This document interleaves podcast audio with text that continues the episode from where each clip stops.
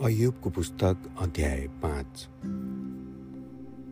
चाहनुहुन्छ भने बोलाएर हेर्नुहोस् तर तपाईँलाई कसले जवाफ दिन्छ? कुन पवित्र जनहरूतिर तपाईँ फर्कनुहुनेछ? रिसले मूर्खलाई मार्छ अनि ईर्षाले सोझाहरूलाई। मूर्खले जडा गाडेको मैले देखेको छु तर त्यसको घर एक्कासी श्रापित भयो।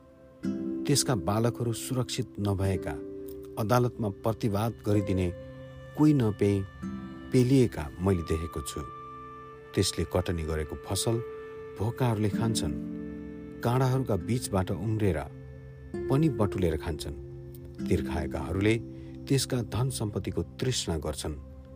किनकि माटोबाट कष्ट उब्जँदैन न त जमिनबाट दुःख धन उत्पन्न हुन्छ। आगोको फिलिङ्गो ममाथि उडे झैँ मानिस पनि दुःखकै लागि जन्मन्छ।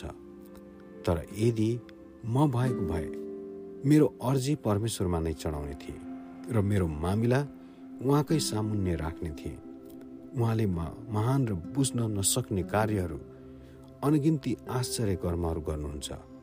उहाँले पृथ्वीमा पानी बर्साउनुहुन्छ र खेतहरूमा पानी पठाउनुहुन्छ।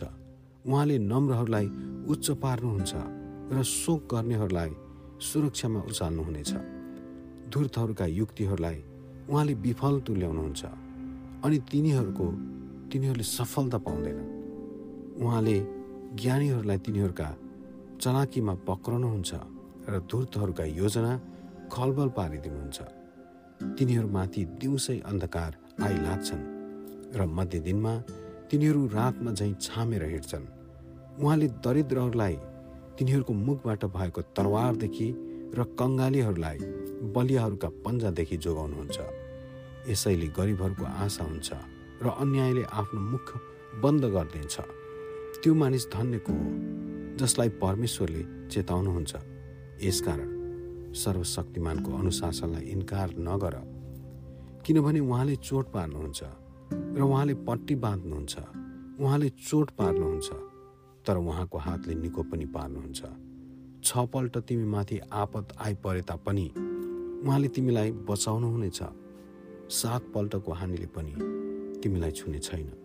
अनिकालको बेलामा उहाँले तिमीलाई मृत्युबाट बचाउनुहुनेछ उहाँले तिमीलाई युद्धमा तरवारबाट जोगाउनुहुनेछ उहाँले तिमीलाई निन्दाको कोराबाट सुरक्षित राख्नुहुनेछ विनाश आउँदा तिमी डराउनु पर्ने छैन।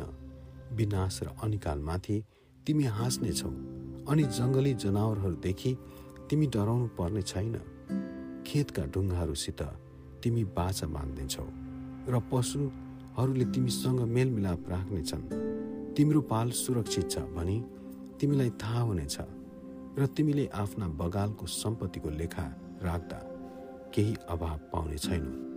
तिम्रा सन्तान दर सन्तानहरू धेरै भएका र तिम्रा छोराछोरीहरू जमिनका घाँसहरू झैँ भएका तिमीहरूलाई थाहा हुनेछ। आफ्नो ठिक ऋतुमा खलामा बाली आए झैँ पुरा वृद्ध अवस्थामा तिमी आफ्नो मृत्युमा पुग्नेछौ। हामीले यी सबै जाँचेका छौँ र यो सत्य हो। यसैले यो सुन्नुहोस् अनि आफूमा त्यो लागू गर्नुहोस्। आमेन।